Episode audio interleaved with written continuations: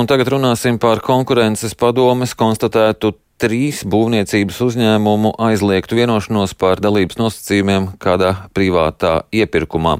Un par to izvaicāsim konkurences padomes aizliegtu vienošanos departamenta direktori Ievu Šmiti. Labrīt! Labrīt! Mums tā tad jau ir būvniec, būvnieku karteļu lieta, kurā sācies tiesas process. Tad tagad ir pilnīgi jauna un cita lieta. Jā, absolūti pareizi. Šī ir absolūti cita lieta, un šajā gadījumā tiešām mēs runājam par privātā pasūtītāja organizētu karteli. Šajā gadījumā turklāt tādu, kas bija realizēts ar Eiropas Savienības struktūra fondu līdzfinansētu projektu. Un šajā gadījumā mēs runājam jā, par konkrēti privātu pasūtītāju organizētu vienu iepirkumu par jaunu ražošanas ēkas principālu projektēšanu un būvniecību, jā, kuru ietveros tad attiecīgi mēs esam konstatējuši šo te aizliegto vienošanos. Uh, iesaistīti trīs būvniecības uzņēmumi. Kas ir šie uzņēmumi? Uh, ir iesaistīti uzņēmumi. Es neteiktu, ka visiem viņiem ir pamat nodarbošanās veids tieši uh, ēku būvniecība, bet, nu, respektīvi, jo šajā gadījumā mēs konstatējam, ka ir šis iepriekš sarunātais uzvarētājs, un tie divi uh, uzņēmumi iet tikai kā aizsega piedāvājumu iesniedzēji.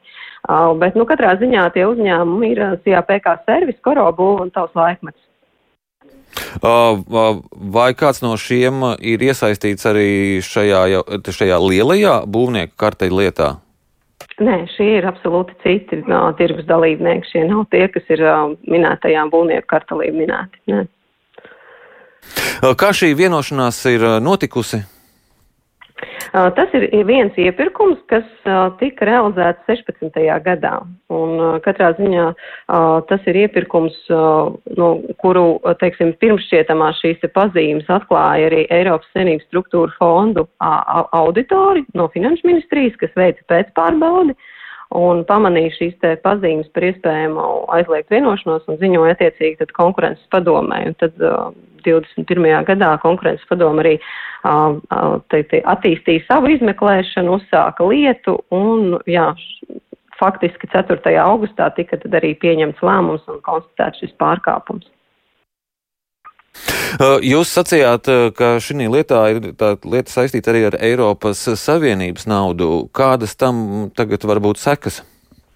Nu, šajā gadījumā ir tā, ka, uh, kā jau es minēju, šis projekts ir realizēts ar Eiropas Savienības līdzfinansējumu, un tas līdzfinansējums šajā gadījumā, kas tika piesaistīts šim projektam, ir vairāk kā 780 tūkstoši eiro. Un ņemot vērā, teiksim, šajā lietā iegūtos pierādījumus, kurus konkurences padomē izdevās iegūt procesuālo darbību laikā, tad mēs realizējām un pierādījām ne tikai šo aizliegto vienošanos, kas ir konkurences tiesību pārkāpums, bet mēs arī saskatījām tādu negodprātīgu rīcību no paša pasūtītāja, šī privātā pasūtītāja rīcību, tur, kur viņš bija novienojies ar šo iepriekš sarunāto uzvarētāju par šī te fonda piesaist un faktiski šo te fiktīvo konkursu kā tādu. Un ņemot vērā šo te aspektu, konkurences padome šo te daļu kompetenci par pasūtītāju iespējamo negodprātīgo šeit fondu līdzekļu apgūšanu nodeva tālākai izpētai Eiropas prokuratūrai, kas arī veiksmīgi uzsāka kriminālu procesu pret, pret atsevišķām amatpersonām no šī konkrētā uzņēmuma. Un, bet, bet kas notiks šo naudu? Tad būs jāatmaksā, būs kaut kādi sodi? Uh, Šajā gadījumā ir pat uh, vēl labāks scenārijs, kā varēja iedomāties, ja tā var izteikties, jo uzsākot šo kriminālu procesu pret konkrētajām amatpersonām, uh, cik es saprotu, tad uh, konkrētais uzņēmums, uh, ņemot vērā tiešām šo ierosināto kriminālu procesu, ir šo naudas uh, atmaksājis.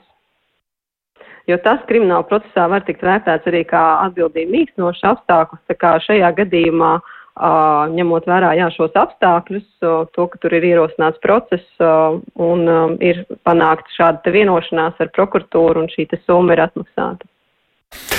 Šī lieta saistīta ar privāto sektoru. Ir kādas atšķirības karteļa vienošanās jautājumos saistībā ar privāto sektoru un valsts sektoru? Uh, tur jau tā lieta, ka nē, absolūti, un tieši tāpēc arī šī tāda laba lieta, kas principā kalpo par tādu kā piemēru, kad arī privātā pasūtītāja iepirkumi ir pakļauti tieši tādiem pašiem, teiksim tā, konkurences noteikumiem, kā jebkurš cits, uh, nu, publiskā pasūtītāja veidots iepirkums, un arī šajā te gadījumā šiem te dalībniekiem pēc būtības noteikti ir jāievēro šie te godīgie konkurences principi, Tāpēc arī, kā saka, tā, tie, tie noteikumi absolūti neatšķirās. Vai tas ir privāti organizēts pasu, teiksim, iepirkums vai publiskais iepirkums. Noteikumi ir vienādi.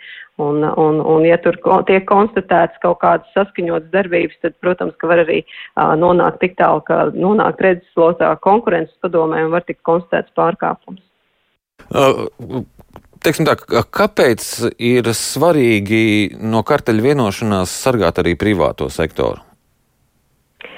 Uh, nu šajā, šajā gadījumā jau mēs runājam uh, par, uh, par principu. Ja tas ir, uh, un šajā gadījumā vēl jau vairāk mēs runājam, ka šī ietekmētā līguma summa kopējā bija gandrīz 2 miljoni, savukārt šeit vēl bija Eiropas līdzfinansējums vairāk kā 780 tūkstoši apmērā. Un tāpēc arī vispār šis iepirkums kā tāds tika veidots. Nu, ņemot vērā minēto, protams, ja tas ir konkurss, kur ietveros, teiksim, tiek sagaidīta konkurēt spējīga cena, tiešām, kas ir veidot konkurences apstākļos ar konkurences spiedienu.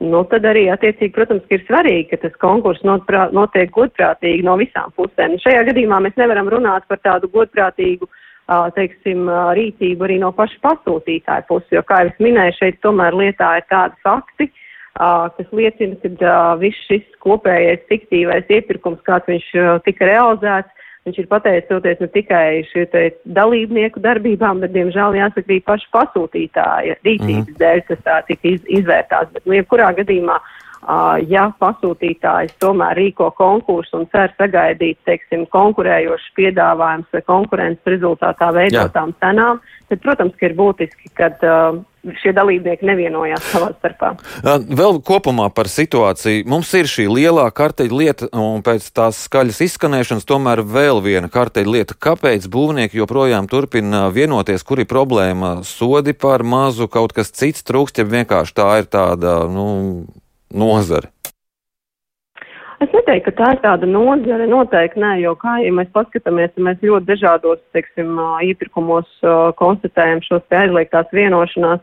Es domāju, ka nu, tā ir tāda, diemžēl, joprojām vēl nepietiekama tāda kultūra konkurences, kas, nu, protams, tāpēc arī konkurences padome liek ļoti liels pūls, lai to attīstītu un stāstītu un rādītu par tiem ieguvumiem, teiksim, uzņēmējiem, kas ir tad, ja tiešām tā konkurence notiek un kādas var būt sekas tajā gadījumā, ja tā konkurence šādā veidā tiek kropļota caur šādām slēptām vienošanām. Tā es domāju, ka mm -hmm. tas ir laika droši vien, kad tas mazināsies, ceram. Jā, man jāsaka jums paldies par šo sarunu. Atgādinu, ka mēs sazinājāmies ar konkurences padomes aizliegtu vienošanos departamentu direktoru Ievu Šmiti.